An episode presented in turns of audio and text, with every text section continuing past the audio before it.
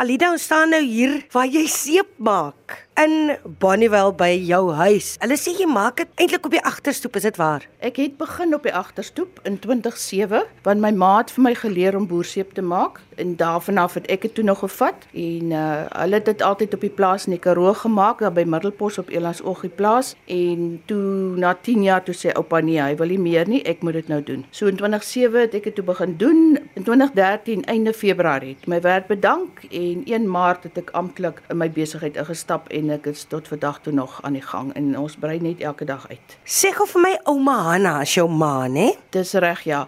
Sy's Johanna Lou, maar omdat die kinders toe hulle klein is nie kan sê Johanna nie, dan sê hulle Hanna. Nou sy het nou ouma Hanna geword en gebly en so sy ook ouma Hanna dood ja. Was sy baie streng oor hierdie hele proses om hierdie seep te maak. Jy weet, was sy baie puntenerig oor sekere goed. Ja, sy het baie klem gelê op uh kwaliteit, sowel as ook dan nou maar die gevaar van soda, maar sy het vir my baie geleer oor hoe dit werk en uh, wat die proses is en op dit het ek gegaan en toe baie goed gaan verander, soveel so dat sy wel eendag gesê het sy het vir my die uh, resep gegee geleer, maar ek het dit vervolmaak.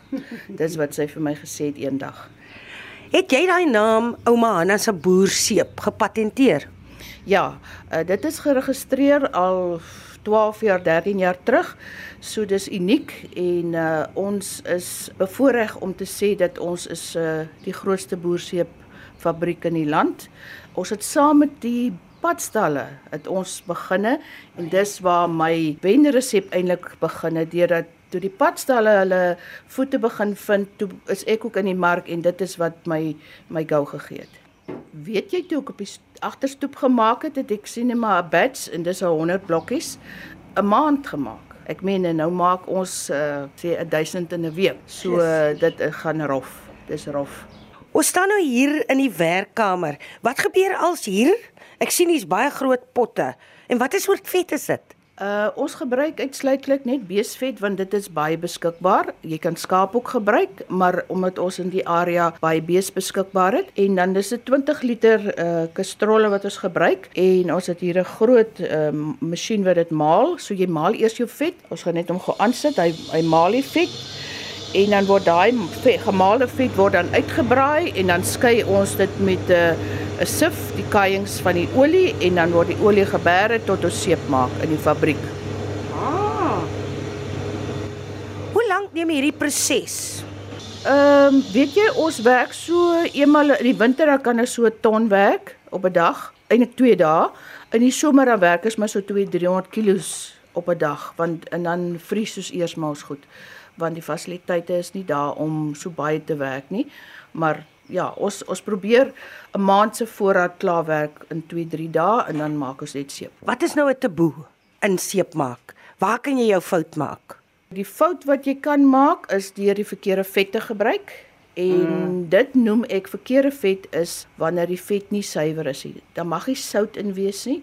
So jy gaan nie meer, ek het altyd sommer almal se ou bietjies vet opgekoop en so aan maak dit my vingers verbrand want hulle het baie keer sout in. Daar's baie keer bene in, dit verniel my vleismeel. So ek het net een verskaffer of 2, 3 eintlik. Ek het eintlik 3 verskaffers en ek koop direk van hulle en ek weet dis suiwer vet en ek weet daar's niks in wat my kan skade doen nie. Nou wat is die volgende proses? Hier klaar is, dan vat ons nou die olie en dan word hy nou deur 'n sif gegooi en dan begin die proses dan jou soda wat jy reeds aangemaak het word dan bygevoeg en dan moet die masjiene maar net draai en hy, jy maak jou seep. Laat ek gou hier na die kant toe gaan.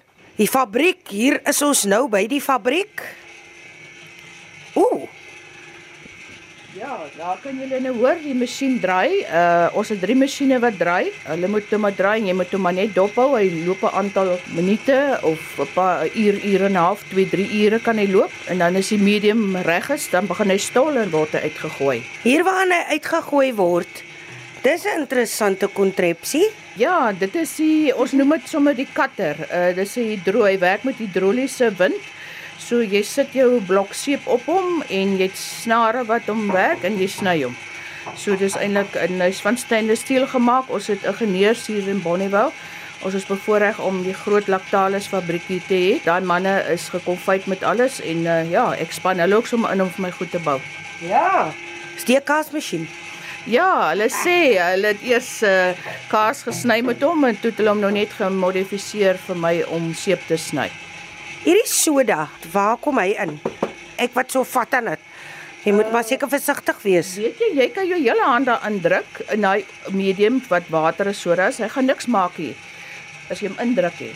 Maar 'n paar minute later, dan gaan hy jou hand uitmekaar uitbrand. So dit is waar soda gevaarlik is dat jy voel nie dadelik as hy vir jou skade doen nie. Uh eers na 'n tydjie. So ons gebruik 'n veiligheidsbril, jy gebruik 'n veiligheidsmasker en dan het ons ook hier 'n uh, bottel vol asynwater, 50-50 asyn en uh, water wat permanent hier staan op die rak. Mm. Dat as jy enigsins voel daar's iets wat byt, ja. dan spuit jy vir jou asynwater, want die asynwater neutraliseer dan die soda, so dan brand hy nie vir jou nie. So van asynwater gepraat hier aan die buitekant nê van die fabriek. Hier as mens nou uitgaan by die deur, wat is die storie met met die water wat jy moet gebruik? Uh jy moet gedistilleerde water gebruik en ons het 'n uh, vaswater tank, so ons gebruik dit. Dit is uh, net is eintlik die beste wat daar is, is jou reënwater. Wanneer jy die seep nou klaar gemaak het, hoe lank vat dit voordat jy dit eintlik aan mense kan verkoop? Uh weet jy, ja, uh dis omtrent 2 maande. In die winter 'n bietjie langer, maar in die somer raak dit gouer droog, uh, want hy moet eers verseep. Daar's 'n proses wat moet plaasvind, want ons pH van ons seep is onder 10, dit wil sê is geskik vir menslike gebruik. En maar om dit in daai proses te kry dat hy nie uh, jou beskadig nie, uh of skadelik is nie want hy is baie baie sag op jou hande. Jy kan selfs uh, daarmee was en ehm um, sukses baie sag. Ehm um, so hy moet hy moet lank staan vir die versepingsproses. Okay. Is dit waar dat hulle sê 'n uh, boerseep help baie as vlekverwyderaar en selfs vir iemand soos ek, jy weet droë hande of so? Ja, weet jy, ek kan my hande vir jou wys. Ek gebruik hier hande room, nê? En dit is omdat ek heeldag met die seep werk. Hy's baie sag op jou hande. Hy word bemark as 'n vlekverwyderaar. Ons mag hom nie vir mediese doeleindes bemark nie, mm. want ek meen daar's baie reëls en regulasies daaromtrent. Jy was klere daarmee, maar die kliënte het begin terugkom en van self kom sê, "Kyk, maar hulle voel hy so sag op jou hande, kan jy daarmee wat sê ek op eie risiko jy welkom om te gebruik." Ek het iets gesien in die kombuis. Kan ons gou so intoe gaan? Jy's mos altyd 'n vrou met 'n plan, Alida. Jou ma Hanna het jou wonderlike goed geleer. Nou het ek gesien hier in die kombuis waar ons nou in beweeg. Is jy alweer besig met ander planne? Wat is die planne? Weet jy, uh dis weer eens 'n uh, resep van my ma. Mm. En dit is haar koljander resep wat ons uh, spesery resep.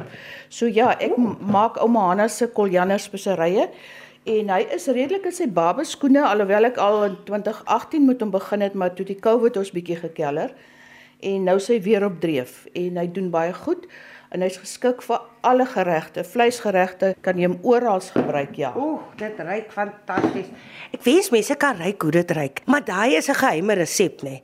Hy ruik so so lekker soos biltong, is hy koljander nê? Ja, dis reg. Weet jy ja, dit is eintlik uh het dit begin deur dit is eintlik haar biltong resep. Maar deurdat ons gaan begin braai het met hom en almal vra, "Wat het julle op die vleis?" Toe begin ons besef maar hy's eintlik lekker. So ons maal die koljander net baie fyn. Ek koop dit vars aan hier van Heidelberg op 'n plaas. Ek koop die res van my bestanddele Montetjie by 'n speseryplek en so dit is soos hulle sê op die stiker staan vars van die plaas. Ja. So als word hier plaaslik uh, vervaardig en ek koop dit aan en ek maak haar haar speserye. Jou ma het nog geleef toe jy begin het met die seep. Maar sy's intussen oorlede. Jy kap nou aan met hierdie boerseep. Dink jy sy sou trots gewees het dat selfs die kleinkinders nou weet? Ja, nee, definitief. Uh sy was baie trots reeds dat ek aangaan daarmee en as uh, sy moes weet dat Wessel, uh my seun aangaan met die besigheid, hy gaan dit heel moontlik later oorneem by ons. Uh ja, dat dit vir die nageslag behoue gaan bly. Hallo Bekkie, gesels bietjie met die tannie. Hallo Bekkie. Was jy bekkie met boerseep? Nee, fooi tog. Weet jy, die kokketiel is al 13 jaar oud en sy sit in die hok of hy sit in die hok en omdat hier heeldag uh, op die stoep word die seep verpak en in sakkies gesit en in die bokse gepak en dan word dit versend, uh, is hy heeldag geselskap om hom. So hier was eendag 'n voelkenner gesê, hy's 'n baie gelukkige voeltjie wat al 13 jaar in 'n hok sit. Hallo, bekkie praat. So oulik.